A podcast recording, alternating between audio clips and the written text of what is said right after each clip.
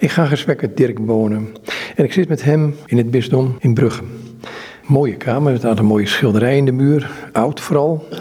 Um, zoals Brugge een heel oud stadje is. Maar goed, er ligt hier nog ouder werk voor ons. Uh, waar jij in meegewerkt hebt samen met Jos Allaerts.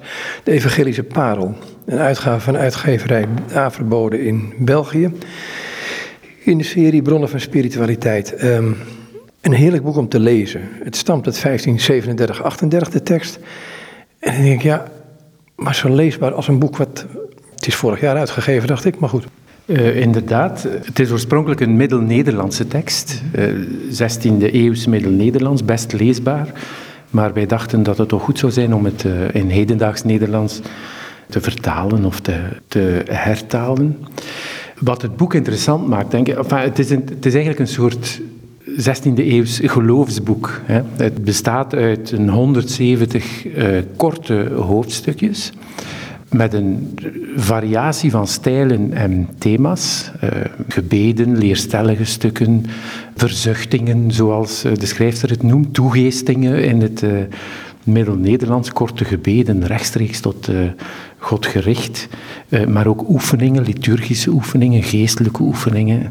Een boek dat eigenlijk uh, helemaal staat in de traditie van de moderne devotie, hè, zoals die begonnen is ongeveer, laat ons zeggen, met Geert Grote. En gericht is, want dat is toch wel een, een, rode draad, denk ik, in de moderne devotie, gericht is op de verinnerlijking van het geloof. Het geloof is niet zozeer de, de uiterlijke observantie, die is er nodig en die is belangrijk, maar die is eh, gericht op de innerlijke geloofsbeleving.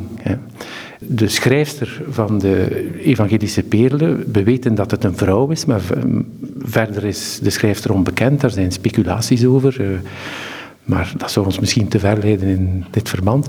Maar heeft een ander boek geschreven, De Tempel van onze Ziel, wat een liturgisch boek is. Het is helemaal opgebouwd rond de grote liturgische feesten, maar met een mystieke insteek. Dus de, het, het gaat over de de mystieke beleving van de liturgische feesten. De, de, de liturgie, de, de, de uiterlijkheid van de liturgie staat ten dienste van de innerlijke beleving. Wel, in diezelfde geest is er de, de grote evangelische perlen, dat is het werk wat wij vertaald hebben. Er bestaan verschillende versies van. Er is een kleine perle die iets vroeger is uitgegeven, 1535. Dan heeft de uitgever toen hè, ontdekt dat er ook een grote perle bestond. Er bestaat ook een, een, Latijnse versie van, die, als ik het goed heb, in 1545 is verschenen, maar waar stukken in staan die we niet in de andere versies vinden. En er is in uh, ja, daaropvolgende decennia. Zijn er andere vertalingen gevolgd. Een belangrijke vertaling, 1602, uh, eh, is de Franse vertaling, omdat de, de Perle een heel grote invloed gehad heeft op de Franse spiritualiteit, de, de, Franse uh, spirituele school, zoals men dat zegt in de 17e eeuw, onder andere op Berulle. Het grote belang van, denk ik, van het boek van de Evangelische Perle is dat het geschreven is op een scharnierpunt, scharnierpunt van de middeleeuwen naar de moderne tijd. Nog voor de contra-reformatie, maar eigenlijk volop tijdens de reformatie. Hè. De, de, de schrijfster haalt één keer uh, uit naar de Luthersche mensen, zoals ze het noemt. Maar het is geen boek van de contra-reformatie. Die dus niet, uh, het staat, je zou kunnen zeggen, het staat in de beste traditie van de, de Middel-Nederlandse en de Rijnlandse mystiek, hè, die ze helemaal verwerkt, en die op een, soms op een heel originele manier in die verschillende hoofdstukjes, en legt een beetje de brug naar de, naar de moderne tijd. Hè, de, de spiritualiteit zoals die zich zal ontwikkelen, in, onder andere in Frankrijk, maar ook in Spanje. Hè. Ik heb het gelezen en ik vind het eigenlijk, je noemt er dus eens zo'n uh, fragment waarin ze er niet eens uithaalt na, vind ik, naar de reformatie, maar meer um, zegt van, ho, let hier eens op. Uh, misschien kunnen we het zo meteen wel lezen, het stukje. Maar eerst naar de kern van het, van het werk gaan. Wat is volgens jaar de kern van het werk waar zij het over heeft? Ja, misschien, misschien toch nog eventjes zeggen dat uh, allee, het, het Het werk heeft, heeft de, de, nog de originaliteit, vind ik, en de stoutmoedigheid van de, van de middel-Nederlandse mystiek die we in de contrareformatie praktisch niet meer vinden. Hè, omdat, omdat de contrareformatie toch heel ideologisch geïnspireerd heeft. Hè. De kern van het werk, helemaal in de lijn van de moderne devotie, ligt precies in het innerlijk leven. Het innerlijke leven dat, dat gebouwd is hè, de, uh, op, zoals hij het noemt, Gods inwoning in de mens.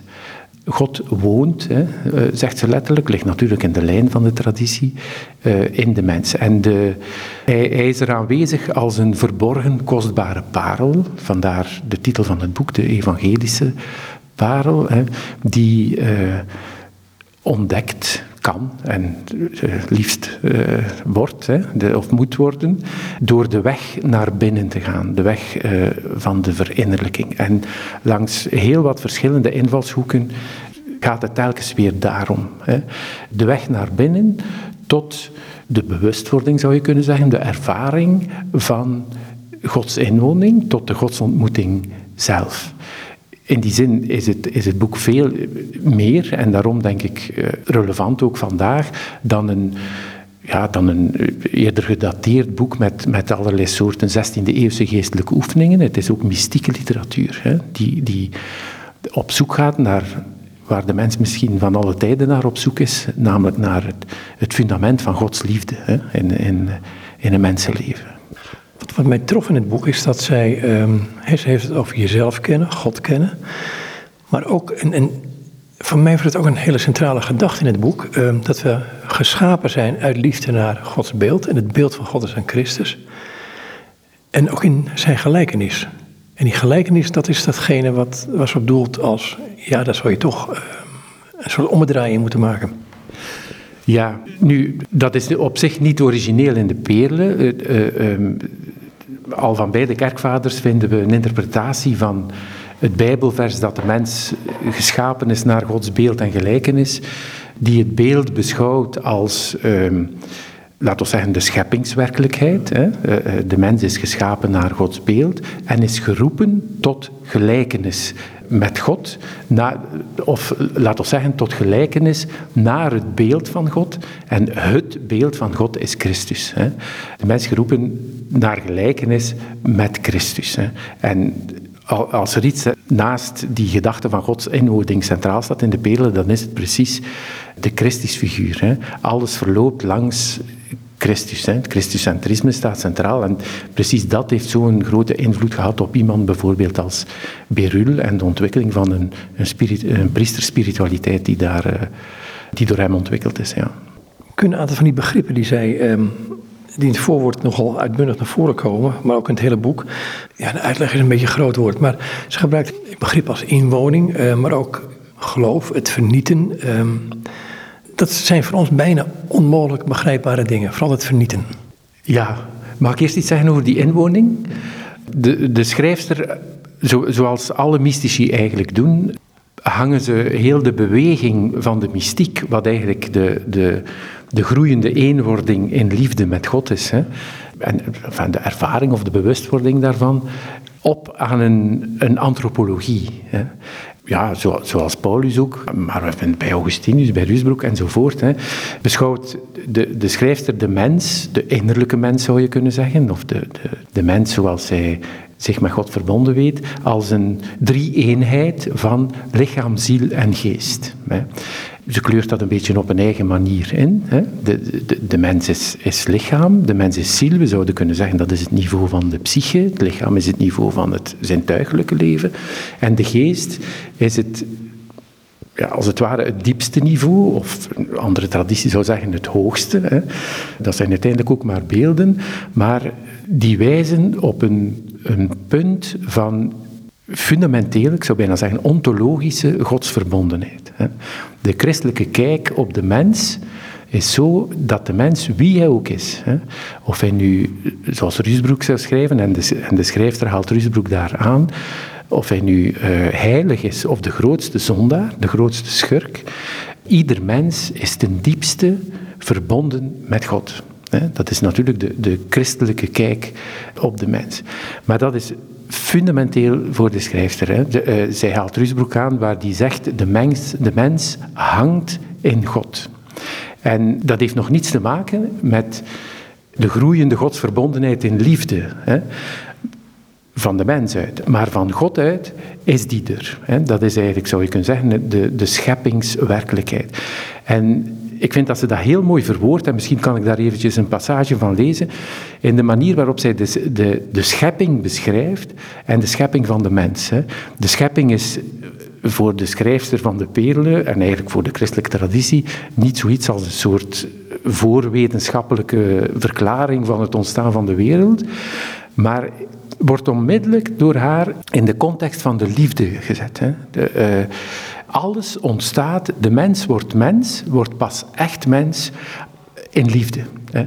Is, het dan zo, zodat je interrumpeer, dat de beweging niet is van de mens naar God, maar van God naar de mens voortdurend? Inderdaad, ja. Dat is het, dat is uiteindelijk fundament. Hè. Zoals ook uh, Augustinus zegt, hè, ik zou je niet kennen als jij mij niet eerst had gekend. Hè. De, mag ik eventjes een fragment lezen? Uh, ze schrijft het volgende. Toen wij en alle dingen nog ongeschapen in de goddelijke afgrond waren, toen werd de machtige rijkdom van het goddelijke wezen, dat verborgen lag in de afgrond van de godheid, krachtig bewogen en gestuurd door de bron van de liefde om uit te stromen, aan het werk te gaan en schepselen te scheppen die deze machtige rijkdom konden genieten. Volgens de werkzaamheid van zijn heilige drievuldigheid schiep hij hemel en aarde.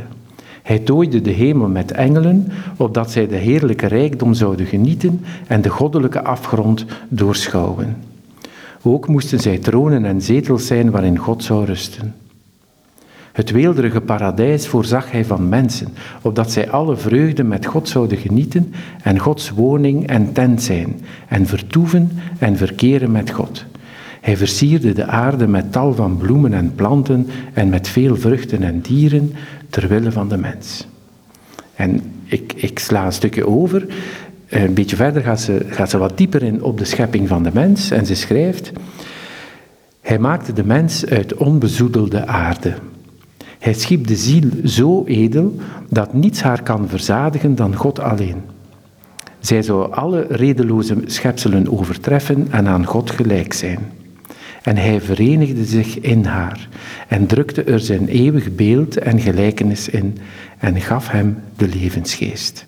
Hij zou als een trouwe vader van de geesten altijd met ons zijn en zij, de ziel, zou eeuwig met hem leven in volmaakte vreugde in het genieten van de heerlijkheid. Tot hier uh, het citaat.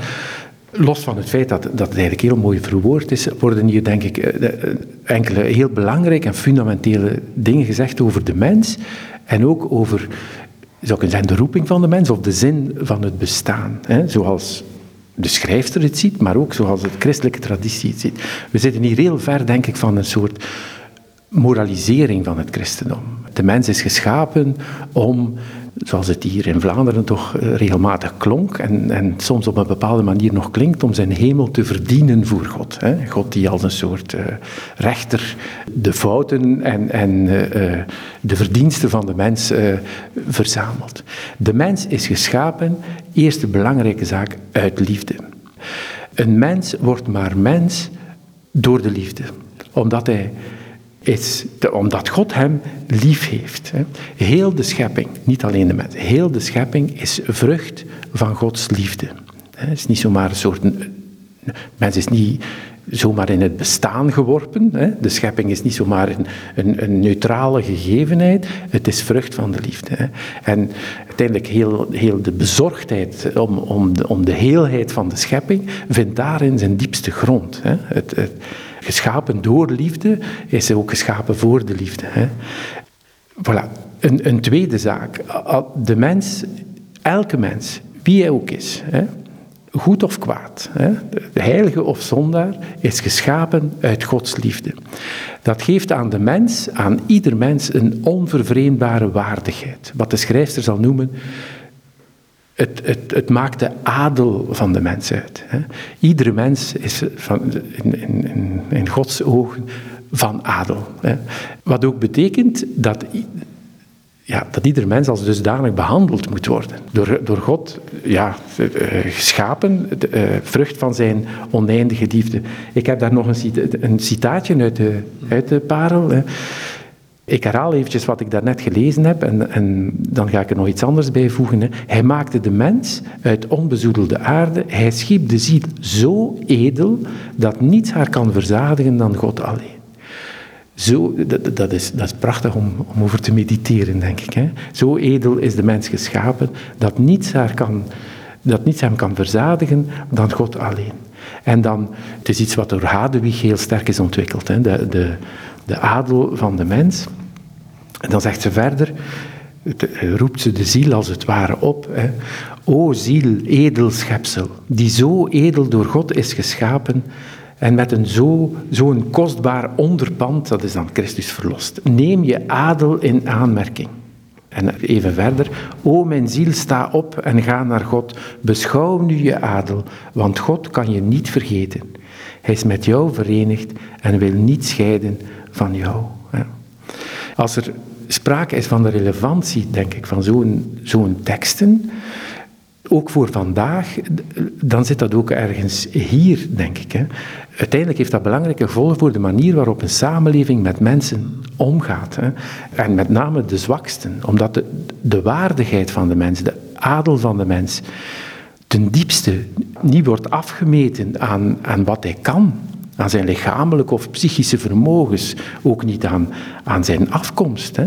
niet aan datgene waartoe hij in staat is. Hè. Ze berust de adel van de mens, de waardigheid van de mens, berust op die unieke scheppingsrelatie die hij heeft met God. Hè. En die de mens blijvend adelt. Hè. Hoe, ja, hoe zondig hij ook is. Ik denk dat dat heel belangrijk is. Vandaar dat, voor, voor het, het christelijk geloof, hoe chockerend dat ook, zo, ook mag zijn, niemand ooit buiten Gods liefde kan vallen. Ook al wil hij dat zelf niet, zelfs de grootste schurk niet. Hè? Zelfs de grootste oorlogsstoker niet. Er is altijd, altijd zal het christelijk geloof de mogelijkheid van een bekering openhouden. Hè? En misschien nog, nog een, een, stukje in verband met dat, dat, dat scheppingscitaat. Het, zal misschien opgevallen zijn als ik het gelezen heb, dat zoveel keer het woordje genieten erin komt. Hè? De mens is geschapen om Gods vreugde te genieten. Hij is niet in de eerste plaats geschapen om te werken of om verdiensten op te bouwen of om te lijden of wat dan ook, maar om Gods vreugde te genieten. Zij heeft het ook in, in dat opzicht um, vaak over, merk ik dat ze het vaak over um, hoe makkelijk het is dat uh, je kunt op God gericht zijn. Je weet dat Hij in je woont en tegelijkertijd is de verleiding om een andere kant op te kijken daar voortdurend aanwezig. Ja, dat is het, gevolg van wat ook heel plastisch eh, beschrijft natuurlijk van de zondeval. Hè? De, de, de, maar de zondeval die toch ook altijd weer in het perspectief van de liefde staat. Waarom? Wat is zonde? Dat is de mens die wegkijkt van God. Hè? En eh, die uiteindelijk uh, uh, enkel nog met zichzelf samenvalt in een, in een soort diepste eenzaamheid. Hè? Waar elke liefde ontbreekt. Hè. Nu, um, waarom is zonde mogelijk? Omdat de liefde bestaat. Want liefde, liefde kan een mens nooit dwingen. Hè. Dus ook al is de mens geschapen door Gods liefde, God kan de mens nooit dwingen om die liefde te beantwoorden. En dus liefde veronderstelt vrijheid. Veronderstelt ook de vrijheid om nee te zeggen. Om, om welke reden dan ook. Hè. Omwille van het, kwaad in de wereld, de verleiding die er zijn. En, en, en wat dan ook. Een andere weg te kiezen dan de weg die, die God je voorstelt of waartoe hij je uitnodigt. Ik wil daarmee ook zeggen dat, dat het dat, hier ook, dat we hier ook niet in de valkuil van de moralisering mogen, mogen, mogen trappen, van, van het, het, eh, het goede opstapelen of de fouten, uh, het goede doen en de fouten vermijden, dat is een gevolg daarvan. Dat is natuurlijk uiterst, belangrijk. Hè. Maar het blijft ook belangrijk van het binnen het, de context, het perspectief, het fundament van, van de liefde te zien. Dan zei je net, had je het over um, de mens als, als hè, je het over de drie-eenheid, uh, in het vorige stukje gehad, um, dat de mens is, is um, geest, ziel, lichaam. Um, is dat analoog aan, aan de drie-eenheid, Vader, Zoon, Heilige Geest? Want zij gebruikt de term als memorie, wat volgens mij meer bewustzijn is in die tijd. Misschien ze het over de wil, uh, et cetera. Ja, de schrijfster doet beroep op de traditie, maar zij is, in elk geval niet zo consequent in het gebruik van al die termen als bijvoorbeeld een Rusbroek. Daar is, daarin is die, die heel helder is. Het, het is inderdaad zo, enfin, dat is al zo vanaf Augustinus, die uh, wil, verstand, memorie verbindt met vader, zoon, geest. Hè, de vader met de memorie, het verstand met de zoon en de wil, het vermogen om lief te hebben met de geest. Maar zij ontwikkelt dat niet. Hè. Ze, ze weeft daar geen traktaat rond. Zij gebruikt dat alleen om, ja, als kapstokken zou je kunnen zeggen, om, om die groei in liefde te verwoorden. Hè. Je zou kunnen zeggen, waar de schrijfster heel origineel is, is de manier waarop ze dat drietal toepast op Christus. Hè. Christus is mens, is volledig mens, mens als wij, is dus ook een, zou je kunnen zeggen, drie-eenheid van lichaam, ziel, geest. Drie-eenheid, niet zo, ja, uiteindelijk zijn dat ook maar beelden, hè. dat is niet zomaar te scheiden van elkaar. En zij uh, geeft daar een kwalificatie aan. Zij spreekt van leidende lichaam van Jezus, de droevige ziel en de vrolijke, in het Middel-Nederlands, de vreugdevolle, de blije geest van Jezus. Hè. Ook dat weer verwoordt iets, vind ik, heel fundamenteels. Hè. In zijn geest, zegt ze, was Jezus onlosmakelijk en onophoudelijk met God verbonden. En daar is er altijd vreugde. Dus zelfs aan het kruis was Jezus, zoals iemand ooit eens zei, volmaakt gelukkig. Omdat die diepe godsverbondenheid, hè, het fundament van zijn bestaan en van elk menselijk bestaan, eh, maar waar Jezus zich ten volle van bewust was, zou je kunnen zeggen, wat hij, wat hij, wat hij helemaal beleefde, wat wij misschien maar gedeeltelijk beleefden, of soms helemaal niet, hè, was hij innig met God verbonden. En dan heb je het niveau van de droevige ziel, het psychische niveau van de droevige ziel. Wat, misschien kan ik daar straks een stukje van lezen. De schrijver heeft, daar, heeft een heel eigen uh, interpretatie daaraan. De droevige ziel van Jezus was er omdat hij leed omwille van de mensen die zich van God afkeerden. Dat was eigenlijk zijn psychisch lijden. En zijn lichamelijk lijden was er natuurlijk, ze beschrijft dat ook heel plastisch, ja, om wat de mensen hem lichamelijk aandeden. Hè. Dus zou kunnen zeggen, het, historische lichamelijke lijden van Jezus uh, wordt daarmee uh, uitgedrukt. Hè. Dus de diepste vreugde in de geest, op het, op het diepste niveau, het lijden omwille van de mensen die zich van God afkeren en die hij wil, wil als het ware lokken om, om, om zich toch met God te verbinden en het lichamelijke lijden. Ze heeft een heel mooie passage waar zij de, de uitspraak van Jezus, aan het, alleen de uitroep hè, van Jezus aan het kruis, mijn God, mijn God, waarom heb je mij verlaten, op die manier uitlegt. Hè. Ze geeft daar een soort parafrase, een, een eigen exegese aan. Een vak-exegeet zou zeggen, ja, maar dat klopt niet met de wetenschappelijk exegese, maar je zou kunnen zeggen, gelovig gezien klopt het helemaal. Hè. Is het, is het, uh, het is een diepere waarheid dan de pure literatuurkritische exegese natuurlijk. Hè. Kun je gelezen? Ja. Um, dus ze, ze, ze heeft het over de, de verlatenheid aan het kruis. Jezus die zijn verlatenheid uitroept aan het kruis. En je zou de vraag kunnen stellen, ja maar als, als er die, die diepste verbondenheid met God is, hè, die scheppingsverbondenheid hè, in de geest, hè, waar altijd vreugde is, hoe kan Jezus dan zijn verlatenheid uitschreeuwen?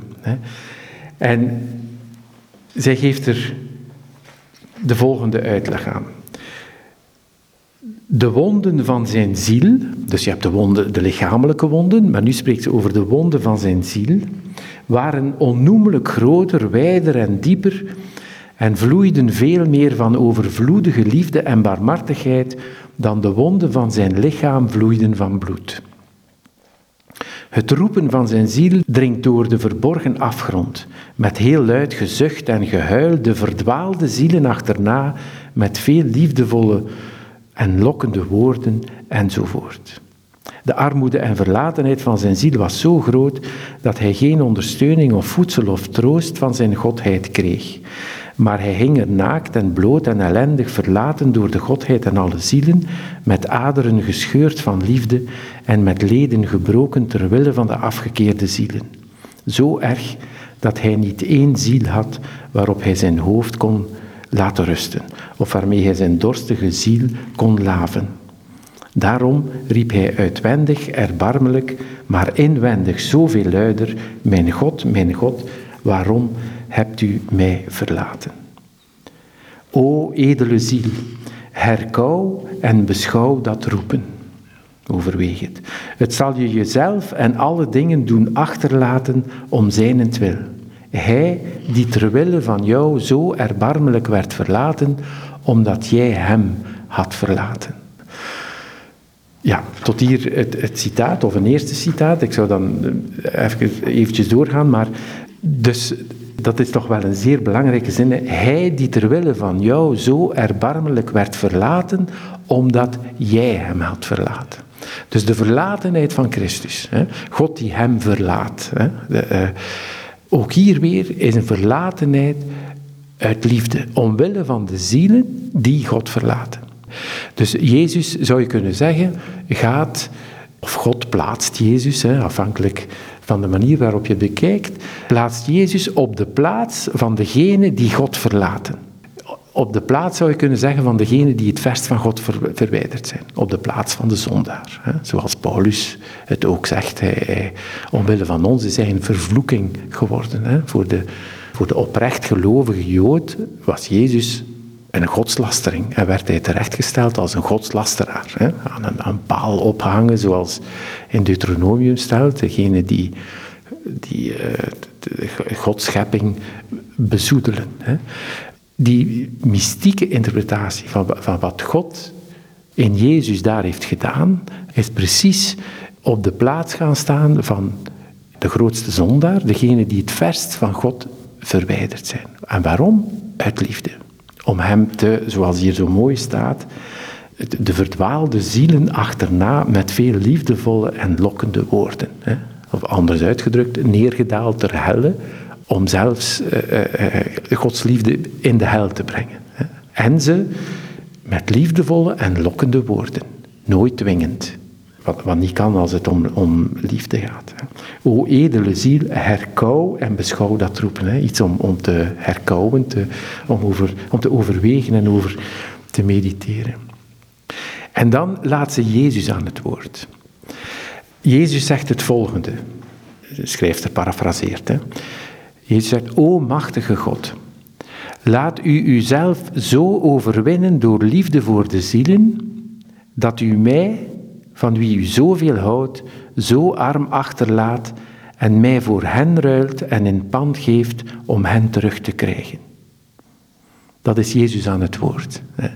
Jezus die zegt tot zijn vader, uw liefde voor de afgedwaalde zielen is zo groot dat u mij voor hen ruilt en in pand geeft om hen terug te krijgen. En de, schrijfster becommentarieert dan, hè, of, of verzucht, o krachtige liefde, die de machtige God zo kan vermurwen, door en door verwonden en dronken maken van liefde, en mild doet vloeien. Ook hier wordt iets gezegd wat, wat je ook bij Bernardus vindt, en, en eigenlijk in, de, in heel de mystieke traditie. Ook God is die liefde is, is, onderwerpt zich aan de liefde aan de dynamiek van de liefde. O krachtige liefde die de machtige God zo kan vermurwen, hè, om, om, om zoiets te doen. Hè. De liefde die God door en door verwondt en dronken maakt van liefde en mild doet vloeien. Proef, als ik haar lees, proef ik ook een, een soort samenspraak met God, een soort samenwerken met God.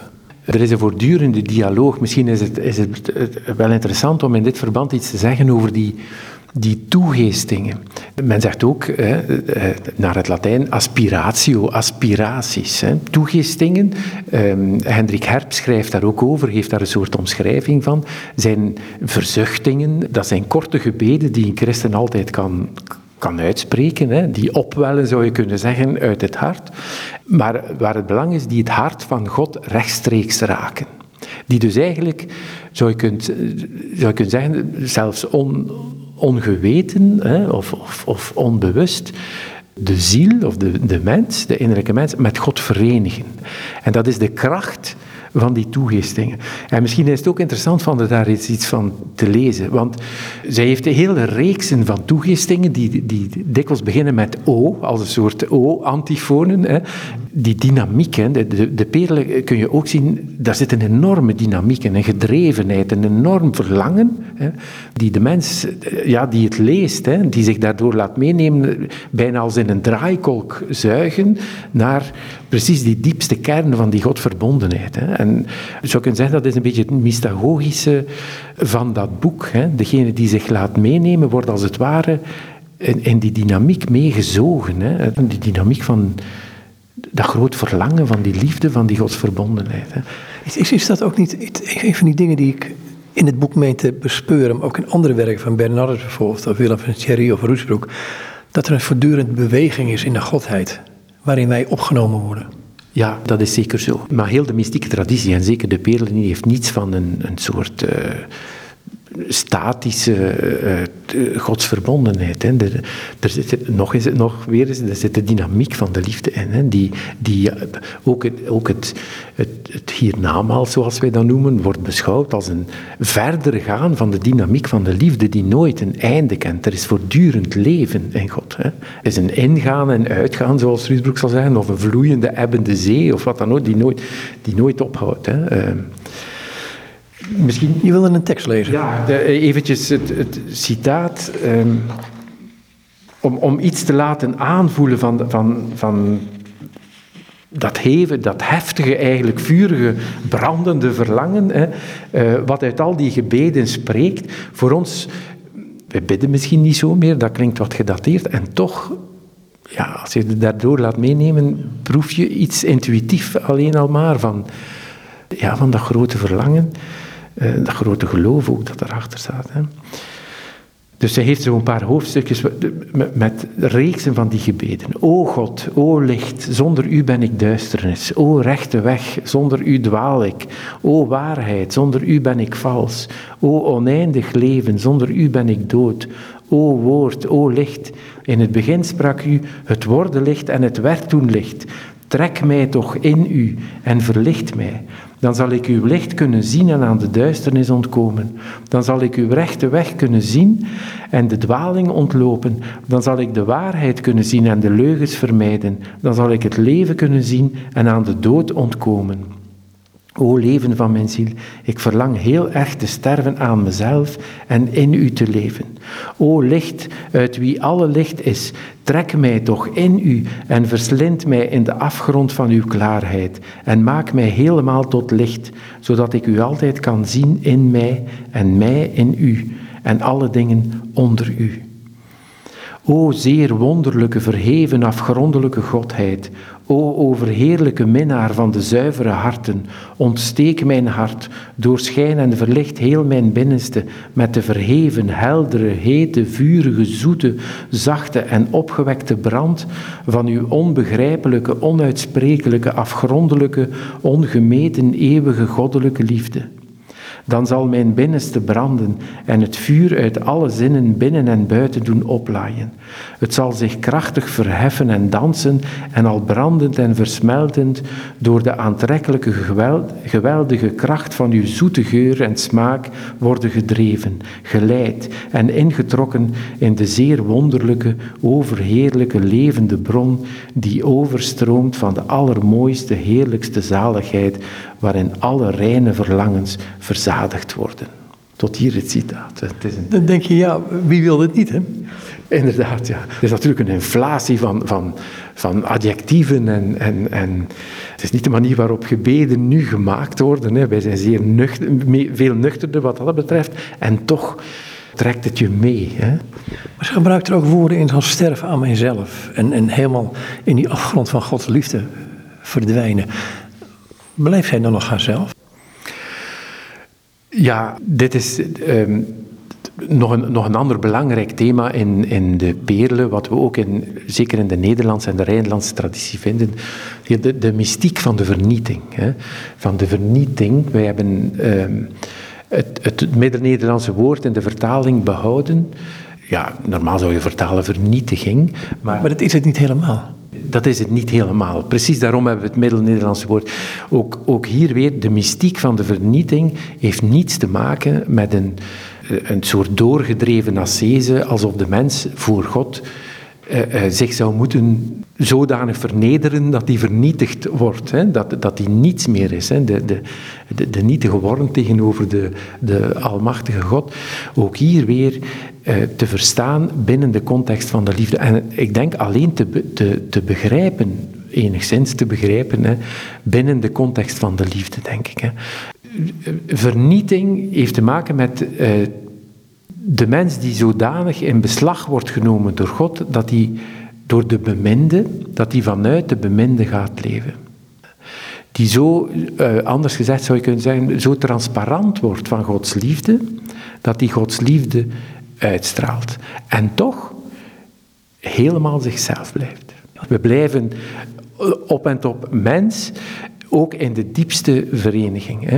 Maar uh, je zou kunnen zeggen dat de liefde hier tot, tot, tot in haar uiterste uh, uithoeken wordt beleefd. Hè. Namelijk de mens, de, uh, degene die helemaal in de ander en vanuit de ander gaat leven, maar de ander ook helemaal in hemzelf. Hè.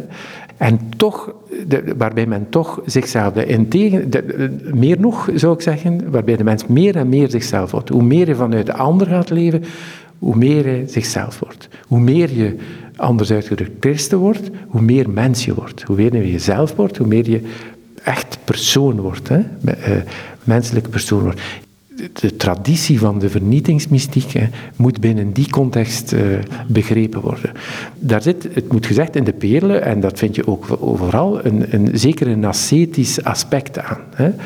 Het, het veronderstelt natuurlijk het verlangen en de wil om vanuit de ander te leven en dus ook om je te ontzeggen wat daar niet mee gepaard gaat. Hè.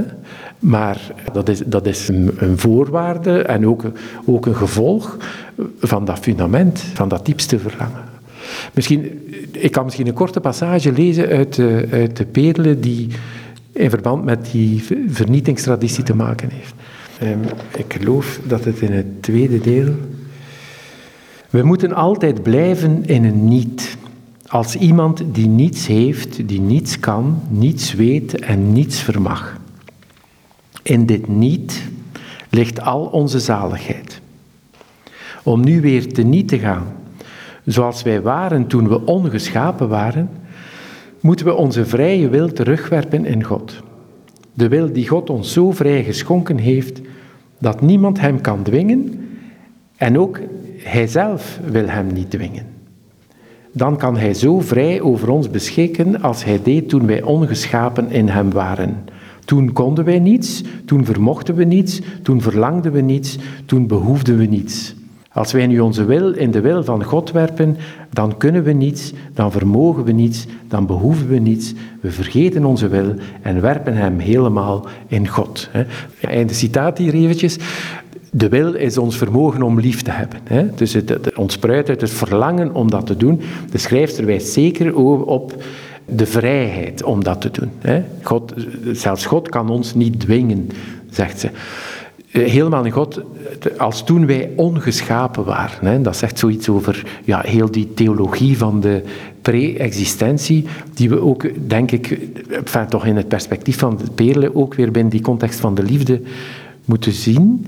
Uh, nog voor wij er waren, nog voor wij geschapen waren, had God ons reeds in gedachten. Je zou kunnen zeggen, er is, er is geen moment, dit overstijgt natuurlijk de tijdsdimensie. Er is geen moment dat wij, dat wij niet door God bemind zijn. Er is nu zoiets als, we, eens, we zijn niemand en we worden iemand. Dus we zijn altijd in Gods ja, boven tijdelijke ogen zijn we altijd iemand geweest. Hè? Zelfs nog voor wij geschapen waren. Hè?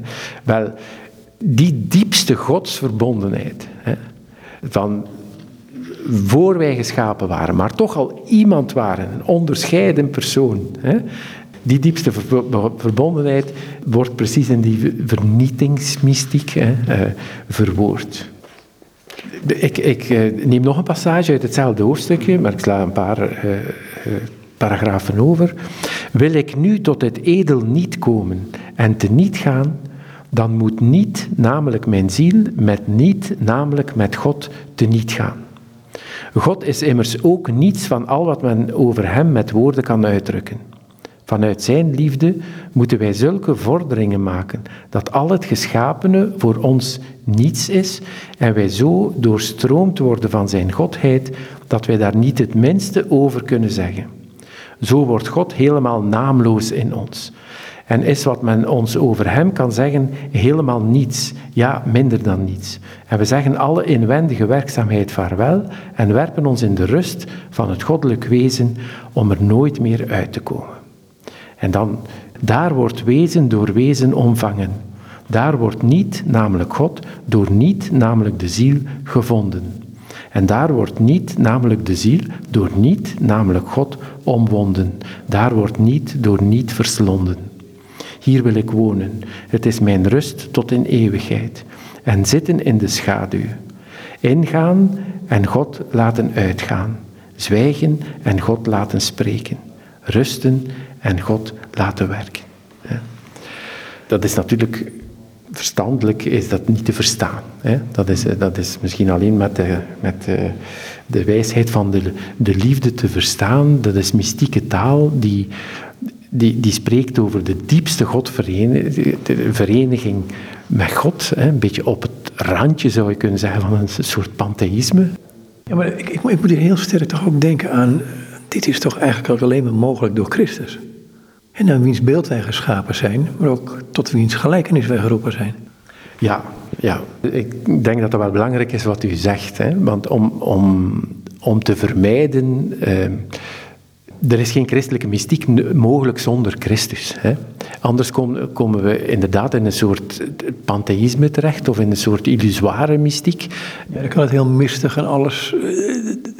Ja, je, kunt van alles dan maar accepteren en doen. Ja, ja waar, waar iemand als. Eh, enfin, de Pelen doet dat nu niet onmiddellijk, maar waar iemand als Riesbroek over schrijft, waar je uiteindelijk verzinkt in het diepste van jezelf, zoals Riesbroek het omschrijft, maar, maar maar waar het niet tot ontmoeting komt. Hè. Dus heel de dynamiek van de ontmoeting gebeurt door Christus. Hè. Maar het is tegelijkertijd een ontmoeting die. Het ontbloot mij helemaal als ik die ontmoeting helemaal heb. Het is een aspect van de vernieting die uh, er mee gepaard gaat. In, het stuk wat ik daarnet gelezen heb.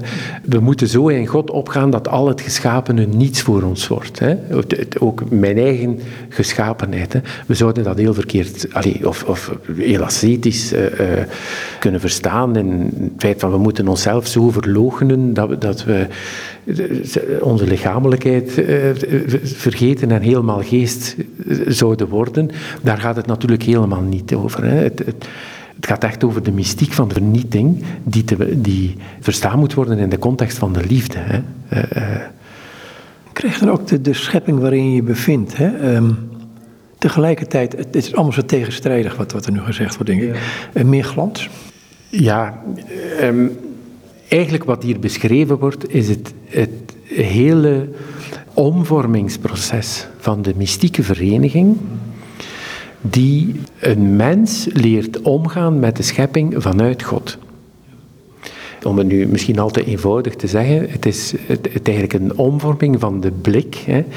Zoals zij daar zegt, ingaan en God laten uitgaan. Zwijgen, God laten spreken, rusten, God laten werken. We zijn niet meer de mens die tegenover God staat, maar de mens die vanuit God, die helemaal transparant wordt van God en vanuit God in de wereld staat. En de schepping ziet zoals ze is. In waarheid ziet en omgaat met de schepping in waarheid. En wat is dat in waarheid? Vanuit God. Ze gebruikt in het, ehm, ik dacht in het tweede boek ook herhaaldelijk ehm, een aantal hoofdstukken over het spiegelen aan het beeld van Christus. Hoe gaat zij ermee om? Heel nuchter, denk ik, aanvankelijk. Als ik daarnet gesproken heb van het, van het omvormingsproces, dan is dat voor ons mensen alleen mogelijk in navolging van Christus. Hij namelijk heeft heel dat omvormingsproces als mens beleefd, voorgeleefd, getoond. En ja, de mens is geroepen of uitgenodigd om hem daarin te volgen. Nu, heel nuchter in die zin dat dat, dat, dat begint met de, ja, van, de, van, de, van de eerste aantrekking, hè, om Jezus daarin te volgen, tot de diepste vereniging met Hem, die tegelijk de diepste vereniging uh, met God is. Hè. En, en je zou kunnen zeggen dat de schrijfster van de evangelische pelen nogal, nogal gemakkelijk en nogal snel naar die diepste vereniging gaat. Hè. De mens is geroepen om met Christus de, de diepste verbondenheid met God, zoals hij die beleefde, mee te beleven. Ze spiegelen. Eh, het is, het is zo makkelijk om te zeggen, ik spiegel me aan Christus. Maar uh, je hebt er al wat, wat over gezegd, maar hoe doe je dat heel praktisch eigenlijk? En hoe doe je het in, in, in die liefdesrelatie? Uh, wat zegt zij erover? Ja, misschien kan ik beginnen met, met uh, iets voor te lezen. Van, zij heeft inderdaad een hoofdstukje hoe wij ons altijd moeten spiegelen aan het beeld van Christus. Nu, heel de praktische kant waar zij eigenlijk ook wel over schrijft, is, maar dat is niet het zwaartepunt van haar, van haar boek. De, schrijfster gaat eigenlijk onmiddellijk naar het diepste, naar de diepste kern. Hè, wat, wat ook eigenlijk zo fascinerend is, vind ik, aan dit boek. Ze schrijft het volgende. Wie nu een volmaakt inwendig leven verlangt te verkrijgen, moet in zijn ziel voortdurend de vereniging met God bewaren en voor zijn ziel in de kwetsuren van het hart de spiegel houden van zijn heilige mensheid. De mensheid van Christus is ook de leidende Christus. De Godheid kan immers in de ziel niet stralen, werken of genieten en geen vreugde of vrijheid hebben dan door de spiegel van zijn heilige mensheid, die verdiend heeft dat de goddelijke vereniging in ons wordt volbracht. Die was in alle mensen verduisterd, zodat ze niet konden weten hoe werkelijk en hoe edel God in de ziel woont. Dus hier wordt heel kort samengebald eigenlijk iets gezegd over de zondeval, die, die, die het, het, het besef of het bewustzijn van die diepste vereniging heeft verduisterd en hoe Christus opnieuw die, die, die weg, de toegang heeft geopend naar die vereniging. En dus Christus daarin, de navolging van Christus daarin wezenlijk is. De, eh, de mens kan, kan Christus niet overslaan. En daarin moet hij, daar spreekt hij van de spiegel van zijn heilige mensheid. Ook in de lijn van de traditie spreekt de, spreekt de Perle over de godheid van Christus en de mensheid van Christus. En langs de mensheid komen wij door de godheid. Maar dankzij de godheid kunnen wij hem ook in zijn mensheid navolgen. Het, het, het eigenlijk is, heeft hij altijd het initiatief daarin. Een beetje verder staat er, juist daarom is God mens geworden om ons door de verdiensten van zijn heilige mensheid te reinigen, alle vermogens van de ziel te, te, herstellen en de mensen weer in God binnen te leiden door de spiegel van zijn heilige mensheid. De, de spreekt uh, meermaals heel duidelijk over de verdiensten van Jezus. Hè. Jezus heeft het verdiend dat wij opnieuw tot God kunnen komen. Het is zijn verdienste. In die zin, helemaal in de lijn denk ik van de, van de Lutherse traditie, verdient de mens de godsverbondenheid niet. Jezus heeft ze verdiend. Maar, zo zal de schrijver, schrijfster zelf uh, ergens zeggen, dat wil, dat wil niet zeggen dat, dat de mens een willoos instrument is. Dat kan ook niet als we het opnieuw binnen de dynamiek van de liefde zien.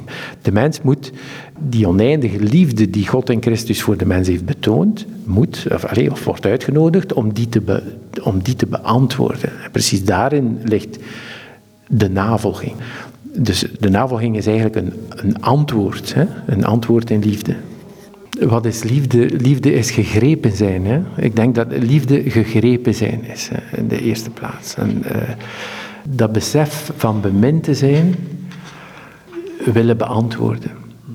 En daar voortdurend in falen, maar geen falen die de mens ontmoedigt, maar aanzet om, om daarin steeds verder te gaan. En, en dat is eigenlijk een beetje wat in de mystieke literatuur en ook in die perlen en die dynamiek die daarin steekt, voortdurend weer vindt. Het besef van die oneindige liefde en tegelijkertijd het besef van het falen in het antwoord erop, maar dat alleen maar het, het, het verlangen steeds verder uh, doet groeien. Hè.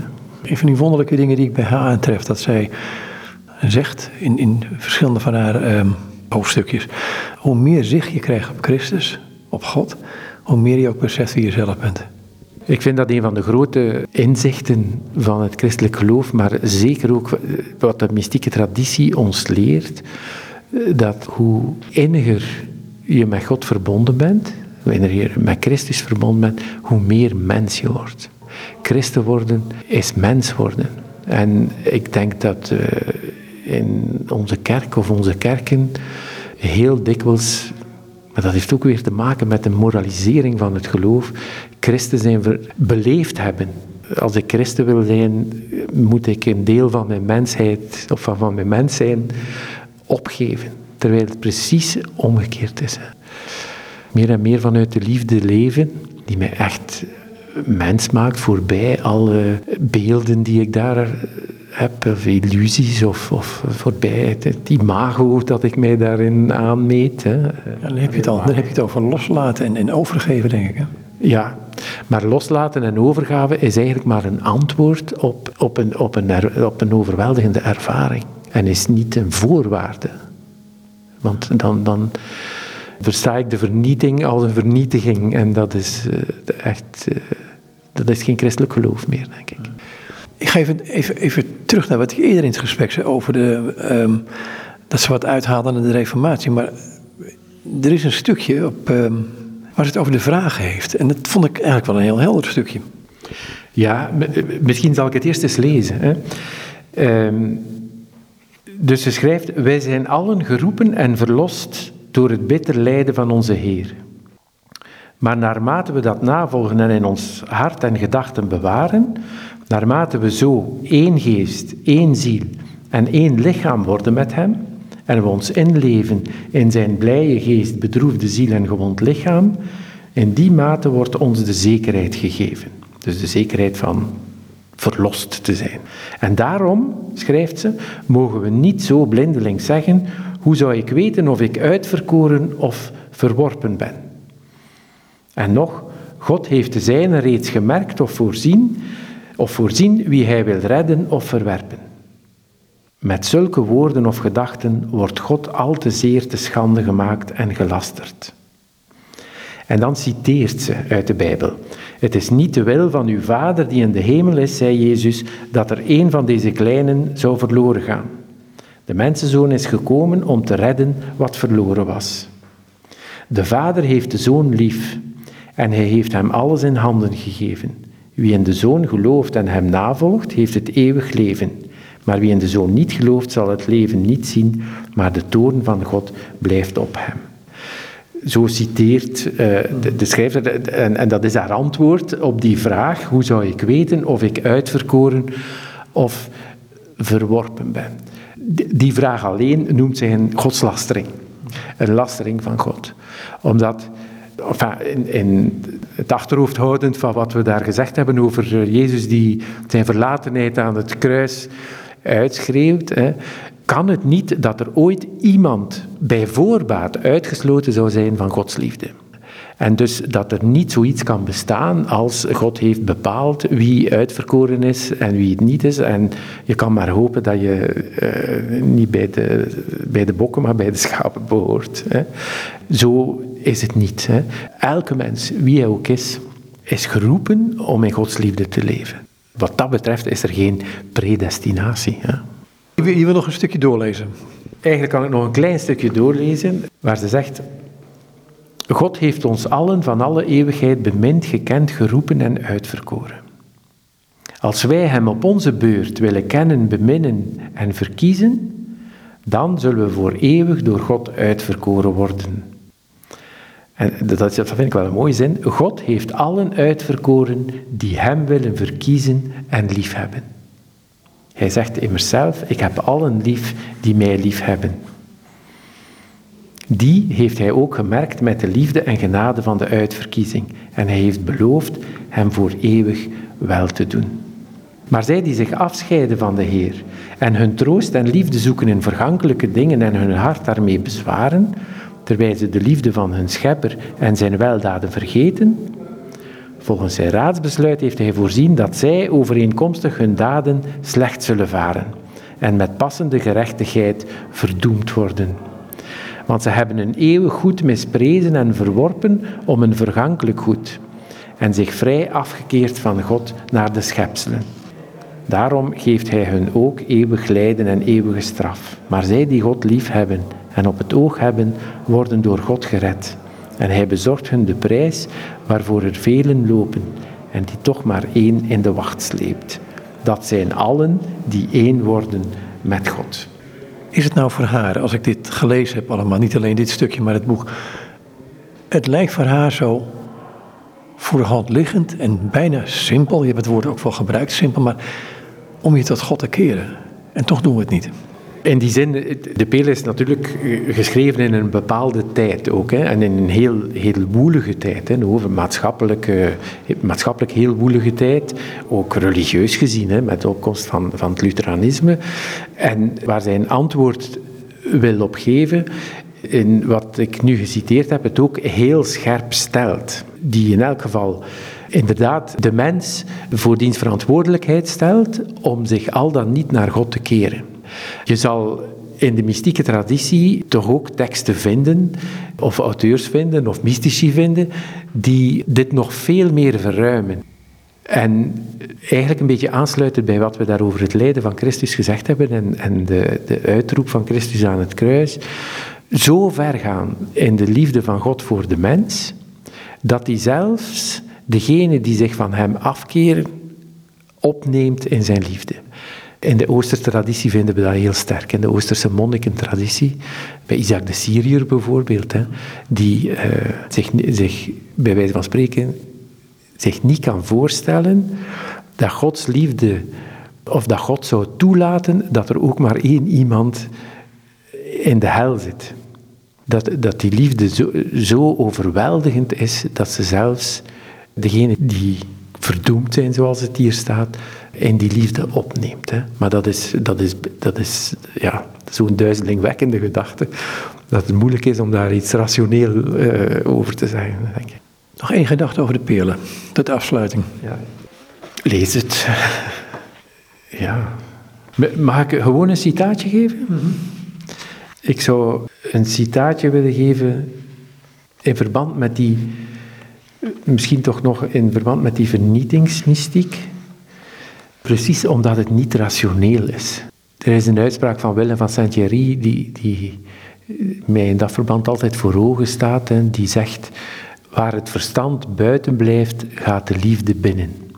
De liefde heeft een eigen vorm van kennis die voor de rationaliteit niet vatbaar is, die, die niet begrijpelijk is. Ik vind dat die vernietingsmystiek, ja, alle mystiek natuurlijk, maar de vernietingsmystiek, dat dat daarover gaat. Je kunt daar, geen, je kunt daar eigenlijk geen verstandelijk woord of verstandig woord over zeggen, maar intuïtief voel je, dit is waar, dat is, dat is de liefde.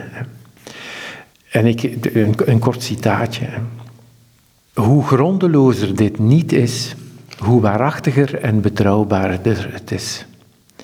Want het grondeloze niet ontvangt zichzelf helemaal in een afgrond. En in die afgrond, namelijk in God, verliest het zichzelf om verteerd te worden in God. En God laat zich neerzinken in deze mens, in zijn levenste binnenste. En de ziel omarmt hem in zich. En hij verzwelgt haar op zijn beurt in zich om haar helemaal te verteren. En dan wordt de mens helemaal in God veranderd. Alsof hij een ander mens was geworden, wat hij inderdaad ook is. Want de Heilige Geest leeft in hem overwezenlijk, zoals in zijn heilige apostelen. Dit roept om uitleg over het woordje overwezenlijk. Hè? Ja, overwezenlijk, dat is, een, dat is een, een, een term die we bij Ruusbroek terugvinden, die uh, het heeft over het wezen van de mens hè, of het, en het overwezen van de mens. Het wezen van de mens voor Ruusbroek, en de Perle haalt Ruusbroek aan wat dat betreft, hè, het zit helemaal in die traditie, zou kunnen zeggen, het wezen van de mens is zijn, zijn diepste binnenste, zijn diepste kern, maar zijn diepste kern is geen geslotenheid, is openheid op God. Zeker de christelijke mystieke traditie is de mens in zijn diepste kern openheid op God. Zijn diepste kern, met andere woorden, is relatie. Dat is het wezen. De mens is tegelijk in zichzelf en in God. Het overwezen is boven dat diepste wezen uit in God. Je zou kunnen zeggen, wezen is in zichzelf, overwezen is in God. De Heilige Geest leeft in de mens, staat er, wat ik gelezen heb, overwezenlijk, zoals in zijn heilige apostelen. Wat iets uitdrukt, wat eigenlijk ook moeilijk uit te drukken is. De mens is tegelijk in zichzelf, hij is ik, identiteit zou je kunnen zeggen, en tegelijk is hij in God. En als Ruusbroek spreekt van het overwezenlijk leven, dat is het, uh, mystieke leven, het, het bewustzijn, zou je kunnen zeggen, van het leven dat de mens heeft in God. Zit ik er dan ver vanaf als ik Augustinus citeer, die zegt van God is dichter bij mezelf dan ik bij mezelf ben?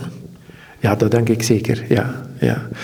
Augustinus, die trouwens in zijn beleidenissen ook de, de weg naar binnen beschrijft. Hè? En, en hoe, hij, hoe hij God zoekt, eerst, eerst buiten zich in de schepping en in de natuur. En zegt, ja, ik vind het niet, maar de schepping zegt mij, wij zijn God niet, hij heeft ons gemaakt. En zegt Augustinus, dan ga ik naar binnen. En hij gaat inderdaad naar het diepste bewustzijn, zijn memorie, hè, zijn, zijn, zijn, eh, en beseft daar dat dit, zoals Ruusbroek zou zeggen, in God hangt. Hè. Heel apart. Ja. Hey, ik wou het hierbij laten, dankjewel. Ja, oké, dank je.